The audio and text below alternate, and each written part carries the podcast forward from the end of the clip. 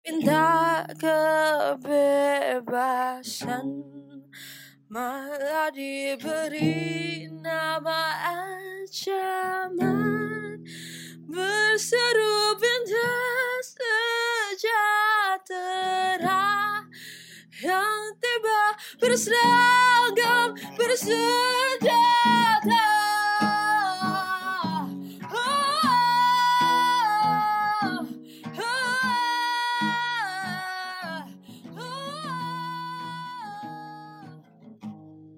Halo Sobat Damai, selamat datang di podcast Damai Pangkal Damai. Perkenalkan, nama saya Dania, host dari episode kali ini yang tentunya akan membahas perihal perlawanan dan strategi nir kekerasan di sekitar kita dan di Indonesia. Nah, hari ini kita akan ngobrol-ngobrol santai tentang perjalanan seorang PNS atau pejuang nir kekerasan sehari-hari yang terkenal dengan kegigihan beliau dalam membela hak-hak masyarakat adat dan melawan pertambangan batu marmer ilegal di Nusa Tenggara Timur melalui aksi menenun di atas batu. Ya, siapa lagi kalau bukan Mama Aleta Baun?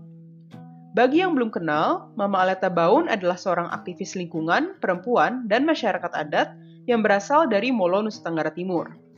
Di tahun 90-an, pada saat pemerintah daerah secara ilegal membuka ruang-ruang untuk perusahaan marmer, Mama Aleta bersama beberapa warga Molo lain mengorganisir protes untuk memberhentikan proyek penambangan tersebut. Memang ada beberapa metode nir kekerasan yang dipakai, namun salah satu yang kemudian menjadi highlight adalah aksi menenun berhari-hari di depan pintu tambang dan aksi menduduki Bukit Fatfat, Wanja, dan Fatunausus. Walaupun waktu itu sering diancam, Mama Aleta tetap melakukan perlawanan nir kekerasan selama 13 tahun. Dan kegigihan Mama Aleta dan kawan-kawan dalam melakukan gerakan nir kekerasan ini berujung pada pemberhentian dan penarikan empat perusahaan tambang dari Molo pada tahun 2010. Di bulan April 2021 lalu, tim Damai Pangkal Damai beruntung sekali kedatangan Mama Aleta di webinar Barang Siapa Meninggalkan Kekerasan. Selama setengah jam ke depan, kita akan dengarkan beberapa cerita yang Mama Aleta sampaikan di webinar tersebut. Kita mulai dengan pernyataan Mama Aleta soal kenapa sih memilih melawan secara nir kekerasan. Ini dia. Aksi kami untuk melawan tambang adalah aksi damai. Bagaimana kita membuat orang yang melakukan aksi atau perlawanan mereka merasa nyaman dalam mereka memperjuangkan hak masyarakat adat untuk membela kebenaran. Uh, bagaimana kita menjaga supaya mereka tidak stres para masyarakat yang kita bawa, terutama kaum perempuan, merasa nyaman. Tetapi ada juga yang pada waktu-waktu tertentu kita melakukan uh, pengorganisasian terhadap mereka dan mereka karena punya pengalaman bahwa uh, mereka itu akan takut dengan melawan negara atau pemerintah. Ya, mereka sebenarnya melawan negara itu budayanya tidak boleh. Tetapi dalam perjuangan kami, kami melakukan pengorganisasian. Setelah melakukan pengorganisasian, kami melakukan penguatan kepada masyarakat. Tentunya masyarakat ada yang takut, ada yang tidak setuju, ada yang setuju. Jadi ketika kita melakukan aksi, kita melakukan pengorganisasian, apa yang kita janjikan itu harus kita tepati sehingga tidak ada jerah di situ untuk mereka bisa mendapat peluang dan kepercayaan. Nah, ternyata salah satu alasan penting Mama Aleta memilih strategi kekerasan adalah untuk memastikan peserta aksi merasa nyaman, apalagi karena harus berhadapan bukan hanya dengan perusahaan tambang, tetapi juga dengan aparat keamanan negara. Sejak awal, Mama Aleta sudah menjanjikan bahwa perlawanan mereka bersifat damai, dan beliau setia pada janjinya kekerasan ini. Teman-teman, kita semua tahu bahwa melawan pihak yang lebih kuat itu tidak mudah. Dan yang tidak kalah sulitnya adalah meyakinkan orang-orang di sekitar kita buat melawan. Yuk kita simak bagaimana Mama Aleta meyakinkan ibu-ibu di Molo buat bersama-sama melawan. Pada saat kita mengorganisir para masyarakat atau kaum perempuan, kita harus menceritakan kepada mereka tentang apa-apa saja yang akan terjadi dan kenapa kita perlu berjuang untuk mempertahankan kekayaan alam yang ada itu penting. Kenapa kita memanggil mereka untuk ikut berjuang? Apakah memang penting untuk mereka harus mempertahankan kekayaan alam? Pertanyaannya, kalau kamu tidak mempertahankan tanah ini, kamu tidak mempertahankan kekayaan alam, kira-kira lima tahun ke depan kamu akan makan apa? kamu akan dapat sumber air dari mana? Kamu akan dapat pangan dari mana? Pertanyaan itu yang membuat orang untuk bagaimana dia bisa berpikir tentang kehidupan dan kesejahteraan dia di masyarakat, khusus berhubungan dengan pangan, kesehatan, dan ekonomi. Ketika dia paham tentang kesehatan pangan ekonomi, maka apa-apa saja yang kita akan temui pada saat kita melakukan aksi atau demonstrasi atau kita berjuang. Yang pertama, mau atau tidak.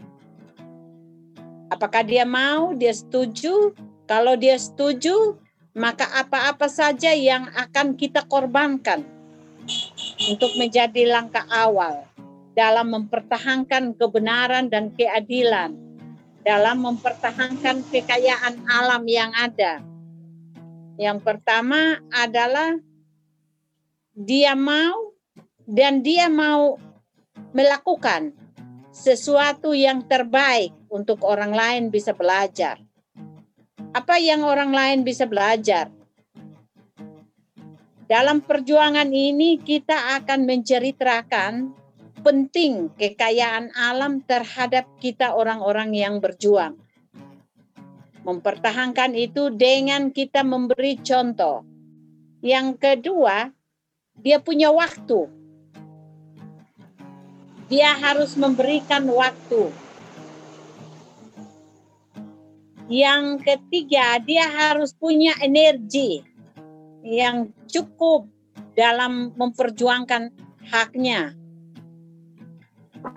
Yang keempat, dia harus berkorban dalam hal apa saja, berkorban untuk berjuang, untuk hmm. mempertahankan sesuatu.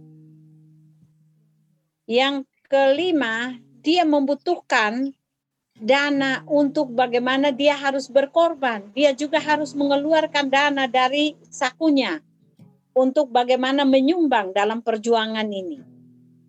Karena perjuangan ini tidak hanya merasa bahwa pribadi, tetapi kebersamaan. Kebersamaan itu yang perlu di, dipertahankan. Seperti kita dengar tadi, buat Mama Aleta, langkah awal dalam mengorganisasikan aksi damai adalah memastikan bahwa semua orang tahu kenapa mereka harus melawan. Mereka diajak berdiskusi apa yang akan terjadi pada diri masing-masing kalau mereka diam saja dan tidak melawan. Yang tidak kalah penting, setelah seseorang siap ikut dalam perlawanan diri kekerasan, ia perlu diajak berdiskusi soal apa saja yang siap ia korbankan, dari waktu, energi, uang, dan sebagainya. Mama Aleta menekankan bahwa ketika melakukan aksi nir kekerasan, orang sedang memberi pelajaran kepada orang lain, baik pihak yang sedang dilawan maupun masyarakat luas yang menyimak. Jadi, kesetiaan pada tujuan keadilan dan cara nir kekerasan perlu ditunjukkan, dan ini membutuhkan pengorbanan. Bicara soal keadilan, Mama Aleta merujuk pada aspek budaya dan adat. Ini dia kata-kata Mama. Uh, hubungan budaya dan adat itu tidak terlepas karena sebelum Indonesia merdeka ini aturan adat hukum adat sudah ada Nah, hukum adat ini akan mengatur tentang pengelolaan sumber daya alam di lingkungan di mana manusia tinggal. Ini hukum adat sebenarnya sudah tertulis dan mengatur tentang semua aturan-aturan untuk uh, lingkungan di mana masyarakat tinggal atau di mana orang tinggal. Uh, setelah itu di tahun uh, Indonesia merdeka baru ada uh, hukum negara jadi uh, simbol dari orang Timur itu adalah uh, bumi dilambangkan sebagai tubuh manusia. Uh, tanah adalah uh, daging, air adalah darah, batu adalah tulang, uh, rambut adalah hutan atau pori-pori. Ketika salah satu yang rusak, berarti sebagai petani tidak bisa buat apa-apa. Tidak bisa orang bertani tanpa ada air tidak ada orang yang bertani tanpa ada tanah. Tidak ada orang yang bertani tanpa ada batu. Tidak ada orang yang bertani tanpa ada hutan. Itu kan mustahil. Nah, kalau kaitkan dengan budaya, budaya itu sebenarnya itu uh, sudah mulai melekat pada manusia pada saat di dalam kandungan ibu itu haknya sudah melekat sekali. Budaya juga sudah melekat pada kandungan ibu. Maka itu ketika uh, alam rusak atau ketika uh, mau mempertahankan sesuatu itu akan menjadi pelajaran yang penting yang harus perlu dipelajari dan perlu uh, dikuasai oleh orang-orang yang mau berjuang hmm. dalam mempertahankan kekayaan alam itu.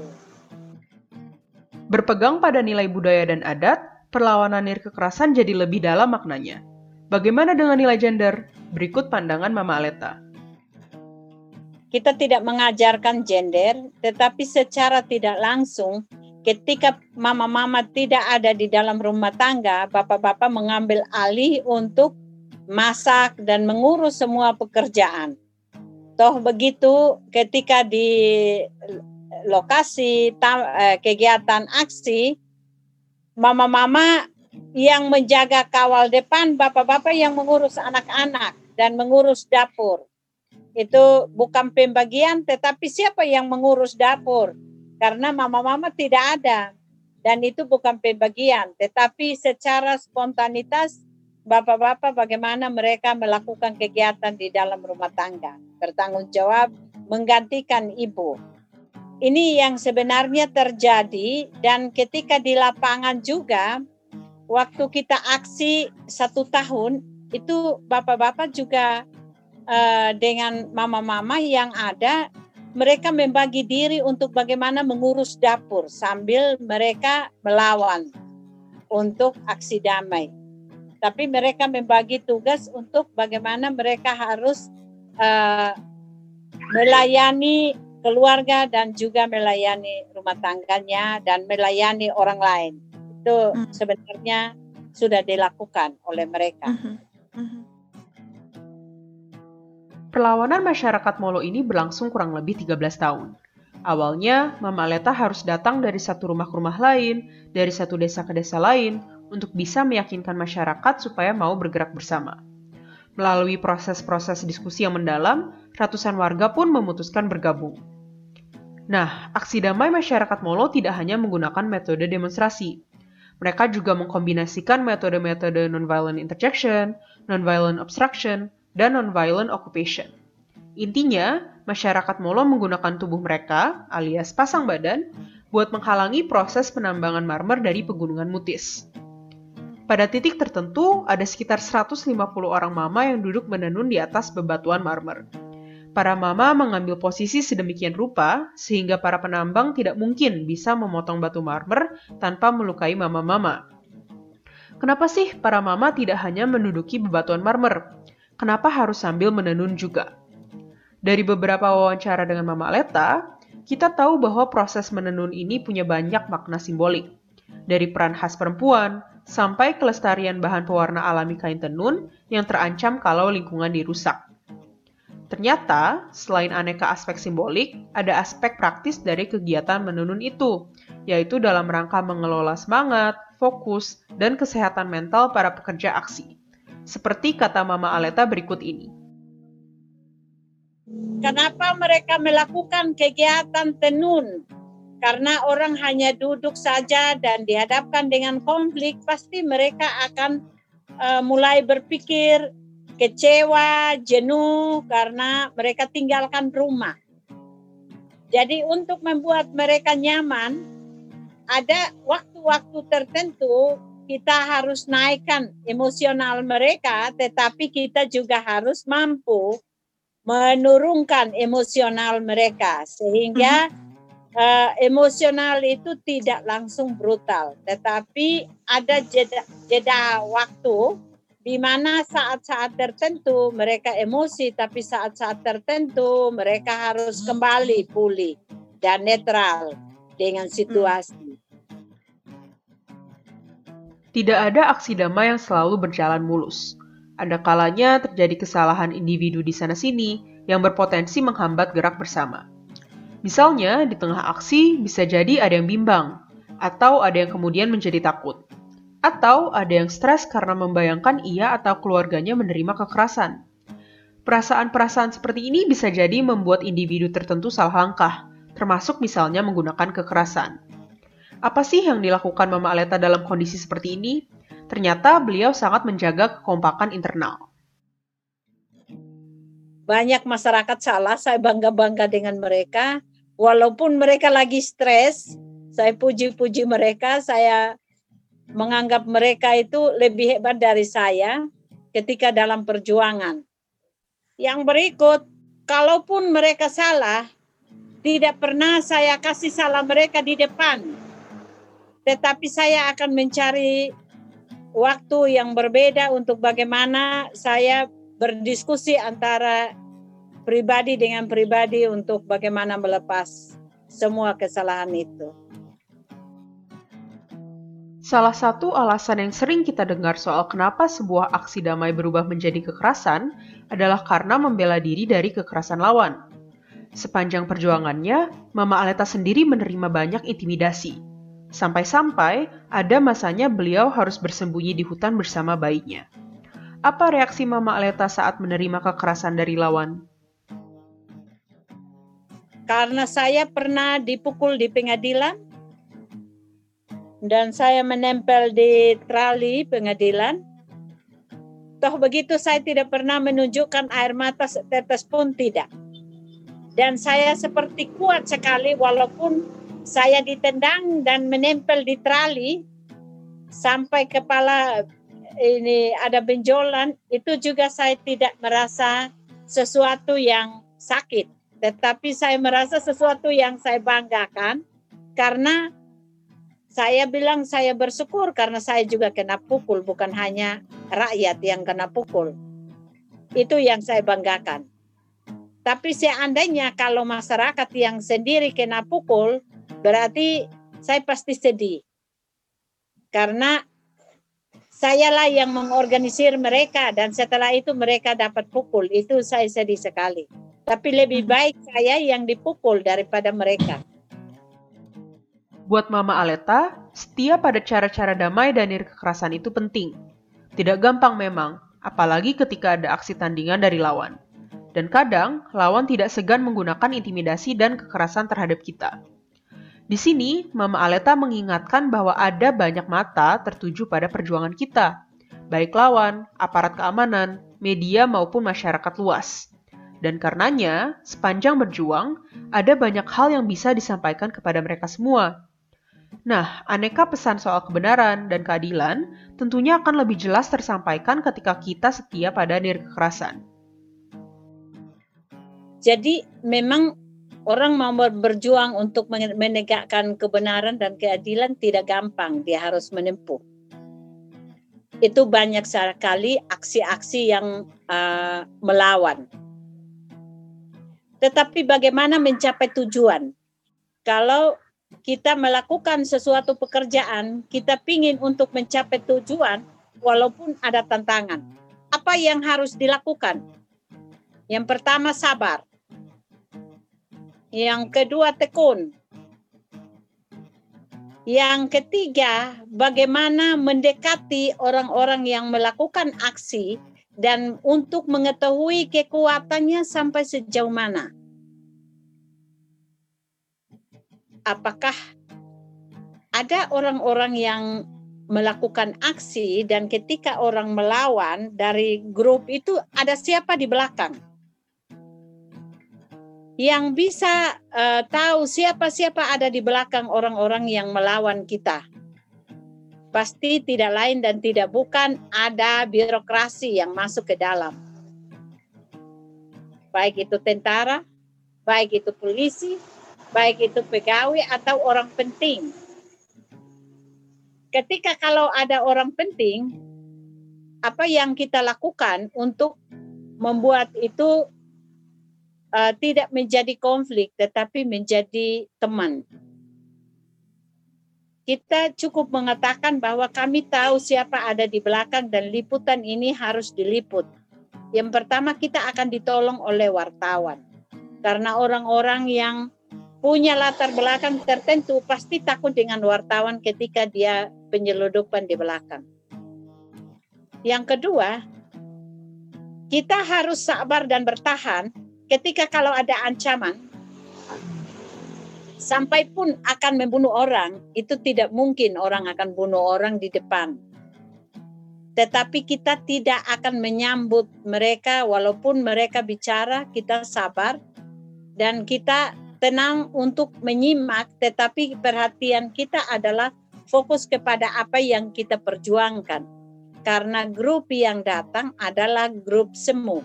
Itu pakai bayaran, pakai hanya untuk sementara mengacaukan kita, pakai hanya sementara untuk menggagalkan tujuan besar kita. Seperti kata Mama Leta tadi, tidak ada gunanya menyambut kekerasan lawan dengan kekerasan juga. Apalagi biasanya kelompok yang di depan itu melakukan kekerasan bukan karena alasan ideologis, tetapi karena alasan pragmatis. Misalnya karena dibayar atau karena menurut perintah atasan. Karenanya, mereka tidak perlu dibalas dengan kekerasan, dan justru dicoba untuk ditarik menjadi teman. Ini dilakukan dengan terus mengkomunikasikan nilai-nilai kita kepada siapa pun, supaya mereka dapat mengerti. Dan dalam perjuangan itu perlu ada nilai-nilai pengetahuan yang diajarkan kepada lawan atau kepada pemerintah atau kepada negara.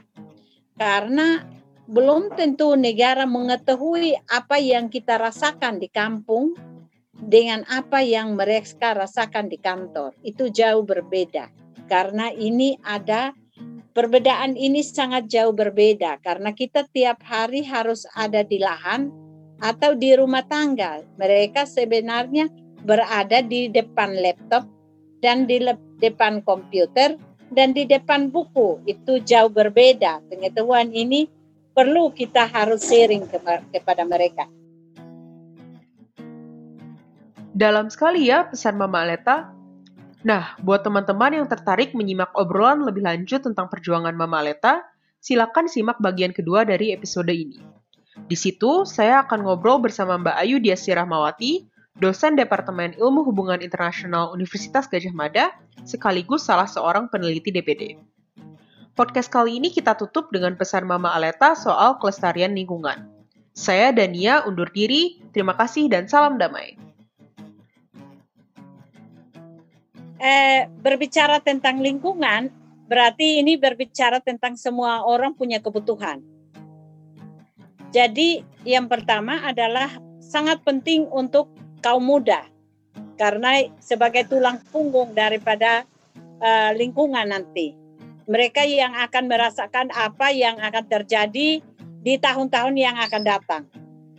Itu sangat penting.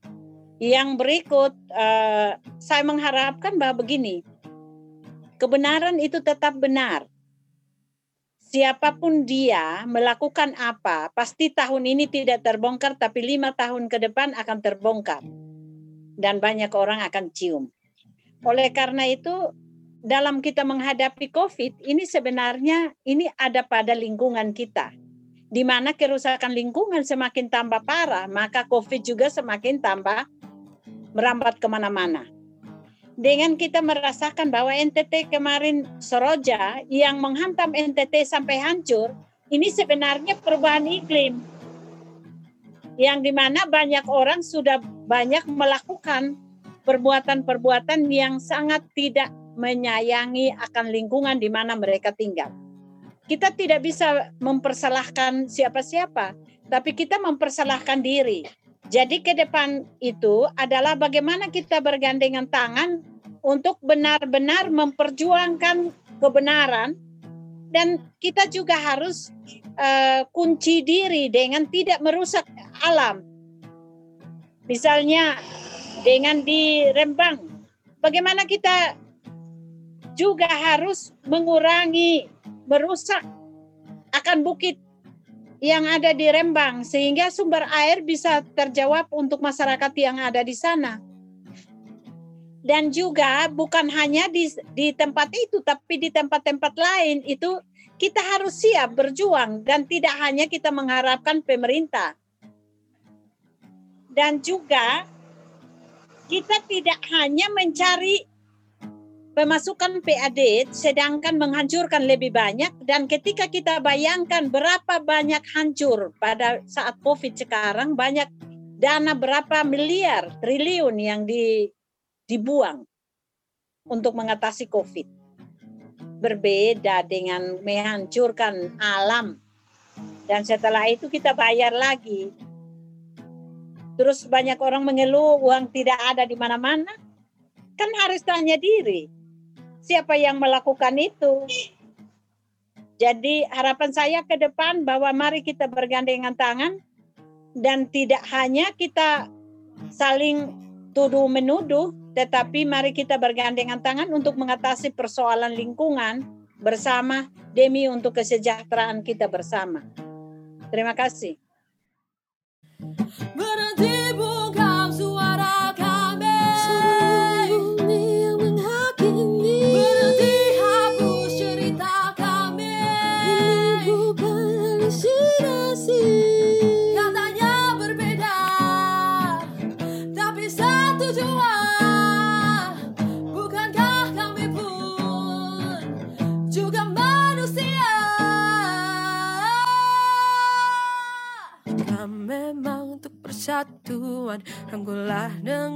kasih persaudaraan.